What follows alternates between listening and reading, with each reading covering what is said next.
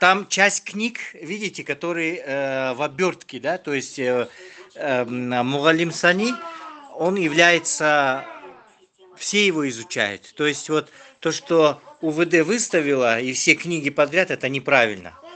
Э, бывают такие моменты даже в России, когда из-за незнаний, из-за отсутствия экспертизы нормальной, задерживали, когда, допустим, Хизбут Тахрир ставили среди конфискованных книг, и тоже Куран даже ставили.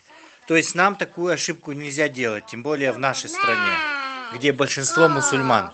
Поэтому, мне кажется, вот э, я, а, кроме Мугалим Сани, остальные книги не вижу, то есть не могу прочитать, но видно, что они тоже, какая-то часть из них, э, она, и здесь э, э, большинство книг, возможно, э, применяется в ханафитском масхабе.